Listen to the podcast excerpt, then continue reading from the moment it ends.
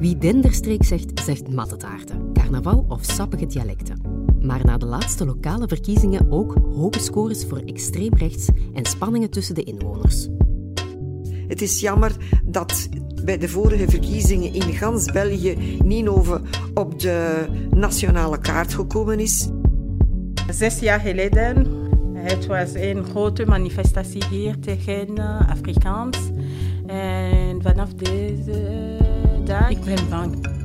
In deze podcast van het Hannah Arendt Instituut, in samenwerking met De Morgen, onderzoeken we hoe het zover is kunnen komen. Grijpen de beleidsmakers vandaag in? Hoe verdeeld is de regio eigenlijk? En op welke manier kunnen de bewoners weer tot verbinding komen? Um, de fricties die er zijn, zijn heel erg onderhuids. Ze komen al hier en ze willen dan maar een beter leven, zeggen ze. Wat doen ze ervoor? Ze doen er niet veel inspanningen voor. Want een van de essentiële zaken van nog een keer herhaald is Nederlands. Er zijn niet veel mensen die de zoeken om ons te leren kennen. Ze zien, ze, ze, ze zien wat ze denken, ze zien wat ze horen van vrienden. Maar er, is nooit een plek gekomen om te zeggen, ah ja, ik wil jouw versie. Nee. Samen met burgers, politici, opbouwwerkers en wetenschappers zoeken we uit hoe de Denderstreek uit het woelig water raakt.